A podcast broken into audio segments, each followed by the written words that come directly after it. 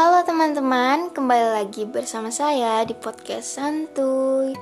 Nah, pada episode kedua kemarin kan kita udah bahas mengenai karakter radio dan televisi. Episode ketiga kita kali ini kita akan bahas mengenai lembaga penyiaran di Indonesia atau biasa disebut dengan LPI. Kalian udah tahu belum sih ada berapa lembaga penyiaran di Indonesia dan ada berapa lembaga penyiaran yang yang diakui di Indonesia.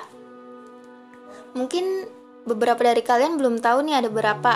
Nah, di sini saya mau menjelaskan sesuai dengan UU Penyiaran nomor 32 tahun 2002, ada empat lembaga penyiaran yang diakui di Indonesia.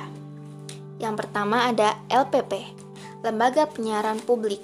Lembaga penyiaran publik ini berbentuk badan hukum, didirikan oleh negara, bersifat independen, netral, dan tidak komersil, tetapi layanannya untuk kepentingan masyarakat luas, jadi bukan untuk kepentingan pihak-pihak tertentu saja.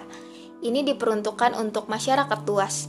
Seperti contohnya di Indonesia yaitu ada TVRI atau Televisi Republik Indonesia dan RRI atau Radio Republik Indonesia sebagai lembaga penyiarannya. Yang kedua ada LPS, Lembaga Penyiaran Swasta. Lembaga penyiaran swasta ini berbentuk badan hukum didirikan oleh negara, tetapi bersifat komersil dan sesuai badan hukum di Indonesia. Jadi diperuntukkan oleh pihak-pihak tertentu dan sesuai dengan hukum-hukum yang ada di Indonesia. Dalam lembaga penyiaran swasta atau LPS ini, warga negara asing dilarang menjadi anggota, kecuali warga negara asing tersebut dalam bidang keuangan dan bidang teknis tertentu untuk kepentingan lembaga penyiaran swasta itu. Dalam pasal nomor pasal 18 Undang-Undang Penyiaran, pembatasan kepemilikan silang secara langsung atau ataupun tidak langsung dalam lembaga penyiaran swasta. Jadi tidak sembarangan dalam kepemilikan. Selain itu, lembaga penyiaran swasta juga harus ada dua diversity atau keberagaman. Yang pertama, diversity content. Kontennya itu harus beragam. Sehingga masyarakat tidak bosan atau pihak-pihak tertentu tidak bosan dengan konten-kontennya. Yang kedua, ada diversity ownership atau kepemilikan. Kepemilikannya itu harus jelas, seperti tadi, kepemilikannya itu tidak bisa silang secara langsung ataupun tidak langsung. Nah, dari manakah lembaga penyiaran swasta mendapat biaya? Lembaga penyiaran swasta ini mendapat biaya dari siaran iklan, atau usaha-usaha lain sebagai pendukung siaran ini. Selanjutnya yang ketiga ada LPK, Lembaga Penyiaran Komunitas. Lembaga penyiaran komunitas ini didirikan oleh komunitas-komunitas tertentu untuk kepentingan-kepentingan tertentu. Bersifat independen, tidak komersil, daya pancar rendah, serta jangkauan yang terbatas hanya untuk lingkup komunitas itu sendiri.